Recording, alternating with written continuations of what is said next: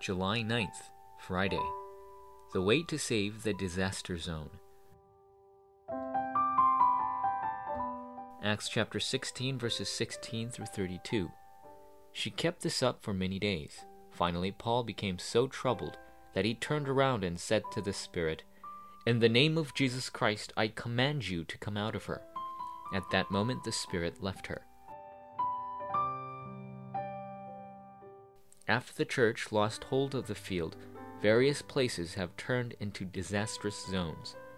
The countless individuals who want to know their futures have fallen into sorcery and fortune telling.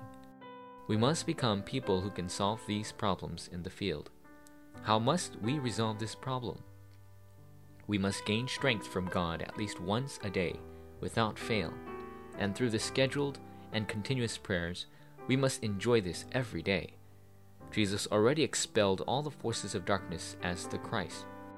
If you are enjoying this strength, God's kingdom will be established and you will be filled with the Holy Spirit.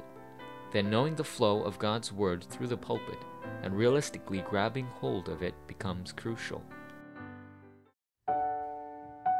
Number one, the answers from God will be continued. God gives us the Word that will be fulfilled daily, and that Word becomes a solution for all people. God attaches to us souls that need saving where we are and everywhere we go. He allows you to know what the problems of the unbelievers in the field are and what answer to give them. Hence, we are able to enjoy the blessing of evangelism every day. To enter into this blessing, we must gain the strength that comes from God.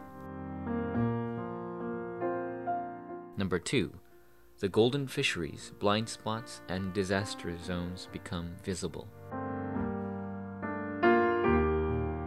If you are receiving strength from God on a daily basis, the field will become visible. Paul saw the field of Macedonia. There he met God's prepared disciples and solved the issue of sorcery that turned that place into a disaster zone. He was imprisoned because of that, but even in prison he discovered the person God had prepared. Ultimately, he received the blessing of a church to save that entire region. Number three, God's miracles will arise.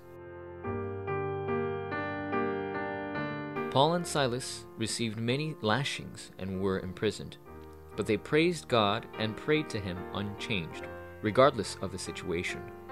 Afterwards, in prison, immense works arose, and this prepared prison ward received salvation.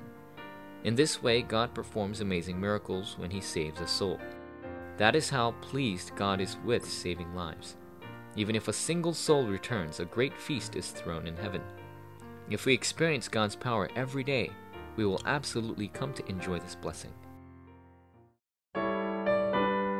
Forum topic Make a new resolution for what God is pleased with saving souls.